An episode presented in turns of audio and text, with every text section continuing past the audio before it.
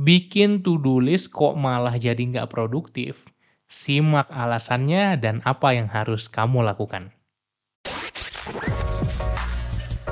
Halo, selamat datang di podcast Cerita Pembelajar. Kamu akan mendengarkan cerita mengenai pengalaman, gagasan, dan pembelajaran. Season 13, tantangan 30 hari bikin kamu makin produktif.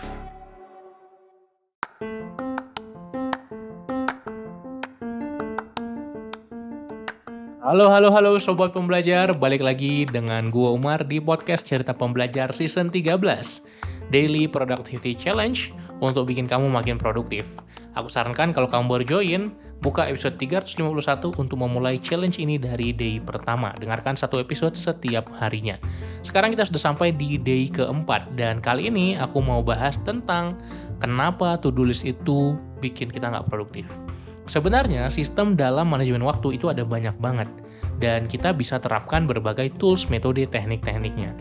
Ketika kita baru mulai, aku memang menyarankan menggunakan to-do list. Tapi to-do list itu adalah sistem level 1. Biasanya aku jabarkan dari level 1 sampai level 6. Kita mau upgrade dari level 1 ke level 3 di sini. Jadi, ketika kita menggunakan to-do list, itu lebih baik daripada tidak menggunakan sistem apa-apa sama sekali. Atau kita sebut sebagai level 0, nggak punya sistem. Ketika kita udah naik level ke level 1, yaitu sistem to-do list, itu udah satu langkah yang bagus untuk jadi lebih produktif. Tapi, ada kekurangannya dalam dalam to-do list. Ada dua masalah utama. Yang pertama adalah kalau kita punya 10 tugas, let's say 10 tugas dalam satu hari, dan kita berhasil menyelesaikan 6 tugas. Apakah itu dianggap berhasil atau dianggap gagal? Mungkin kita bisa menganggapnya berhasil karena lebih dari setengah mungkin, atau anggap gagal karena ada empat yang belum selesai. Tapi sering kali kita tidak punya standar ukur yang tepat.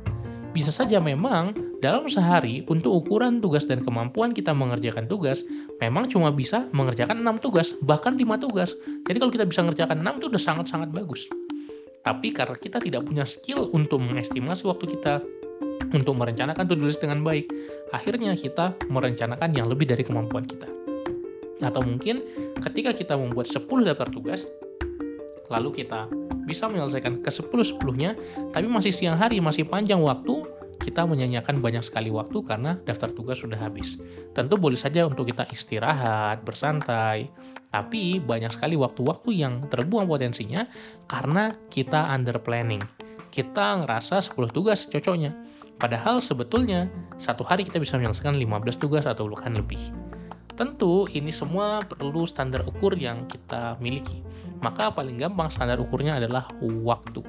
Kita perlu mengestimasikan satu tugas itu butuh waktu berapa lama. Maka kita mau level up teknik manajemen waktu kita dari sekedar level 1 tulis menjadi level 3 sistem kalender atau jadwal. Teknik yang kita gunakan di sini adalah teknik produktivitas nomor satu dari riset-riset tentang manajemen waktu ini adalah teknik time management yang pertama yang paling penting yaitu time blocking. Ini adalah teknik terbaik dalam manajemen waktu dan kalau kamu belum time blocking aku bisa jamin 100% kamu belum produktif atau belum optimal produktivitasnya. Apa itu time blocking? Time blocking berarti kita ngeblok waktu. Kita ngeblok jam sampai jam tertentu, durasi tertentu, waktu tertentu untuk kita bisa produktif melakukan satu tugas spesifik, satu aktivitas spesifik, satu pekerjaan tertentu. Jadi, kita perlu memindahkan daftar-daftar tugas dalam to-do list kita ke kalender. Masing-masing kita jadwalkan. Oh, ini dikerjakan jam berapa sampai jam berapa. Oh, tugas ini dikerjakan jam berapa sampai jam berapa. Aku menyarankan kamu menggunakan digital calendar. Sebagai contoh, Google Calendar sangat cocok untuk pemula. Jadi, bedanya to-do list itu nggak ada waktunya. Jadwal ada waktunya. Paham ya bedanya to-do list dengan jadwal. Ketika kita punya jadwal, maka kita punya clarity yang lebih bagus lagi. Kita punya kejelasan ketika mau mulai hari, ya udah hari ini mau ngapain aja. Sebagai contoh, hari ini tadi pagi aku olahraga, aku yoga, kemudian sekarang aku syuting podcast, habis ini nanti ada meeting sama klien aku, kemudian nanti siang ada interview untuk kandidat tim, lalu sore ada meeting lagi dengan timku, lalu malamnya aku ada olahraga Muay Thai kebetulan, lalu habis itu malamnya lagi ada IG Live, malamnya lagi ada meeting.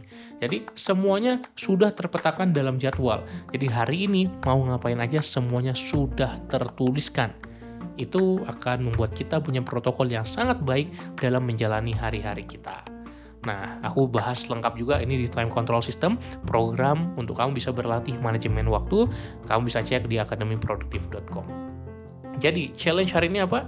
Challenge hari ini adalah mulai gunakan sistem kalender, mulai lakukan time blocking.